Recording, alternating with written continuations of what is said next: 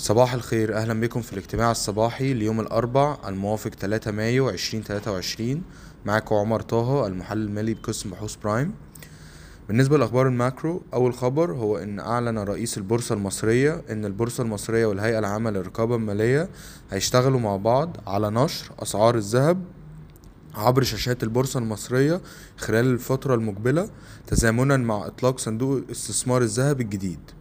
الخبر التاني هو إن مركز المعلومات ودعم اتخاذ القرار نشر تقرير لخطة وزارة البترول والثروة المعدنية لاستثمار 19 مليار دولار لتنفيذ 11 مشروع جديد للبتروكيماويات بين 2020 لحد 2035 كجزء من الاستراتيجية الوطنية لتطوير قطاع البتروكيماويات واستغلال موارد الطاقة غير المستغلة.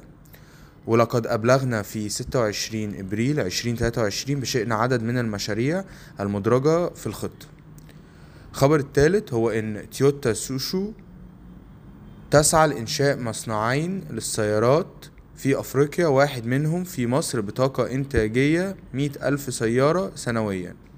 بالنسبة لأخبار ال corporate زميلي عبد الخالق هيتكلم عن نتائج SODIC وانتهاء من استحواذ باكين بالنسبة لنتائج SODIC للربع الأول من 2023 صافي الأرباح تراجع بالرغم من ارتفاع الإيرادات حيث النتائج أظهرت آه، انخفاض بنسبة 17% على أساس سنوي في صافي الربح اللي وصل ل 187 مليون جنيه مصري على الرغم من ارتفاع الإيرادات بنسبة 25% اللي وصلت ل 1.5 مليار جنيه مصري وده كان بسبب مصاريف البيع البيع والتسويق والمصروفات العامة والإدارية الأعلى على. آه، بنسبة 70% على أساس سنوي وكمان مخصصات بقيمة تقريبا 22 مليون جنيه الإيرادات يمكن تقسيمها كالآتي. آه، مبيعات العقارات ارتفعت بنسبة 27% على أساس سنوي وصلت ل لمليون لمليار 350 مليون جنيه.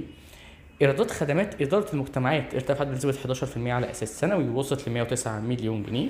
إيرادات النوادي وإدارة النوادي ارتفعت بنسبة 17% ووصلت ل 22 مليون جنيه. آه، بينما عائدات العقارات الاستثمارية ارتفعت بنسبة 7% على أساس سنوي ووصلت ل 14.5 مليون جنيه. علاوة على ذلك تضمنت أبرز الإنجازات التشغيلية خلال الربع ما يلي إجمالي المبيعات المتعاقد عليها آه، وصلت ل 2.8 مليار جنيه. آه، نسبة الإلغاء آه، من إجمالي المبيعات المتعاقد عليها كانت 21% فقط. التحصيل النقدي كان بقيمة 2.1 مليار جنيه وتم تسليم 208 وحدة خلال الربع.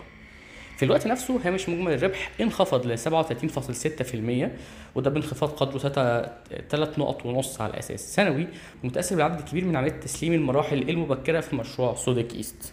آخر خبر معانا النهارده هو انتهاء حرب المزايدات على باكين حيث إن مساهمين البويات والصناعات الكيماوية أو المعروفة باسم باكين استجابوا لعرض شركة الأصباغ الوطنية القابضة الإماراتية حيث إن المساهمين باعوا 19 مليون و358 ألف سهم وده تقريبا بيمثل 81% تقريبا من إجمالي أسهم الشركة. شكرا لاستماعكم للاجتماع الصباحي.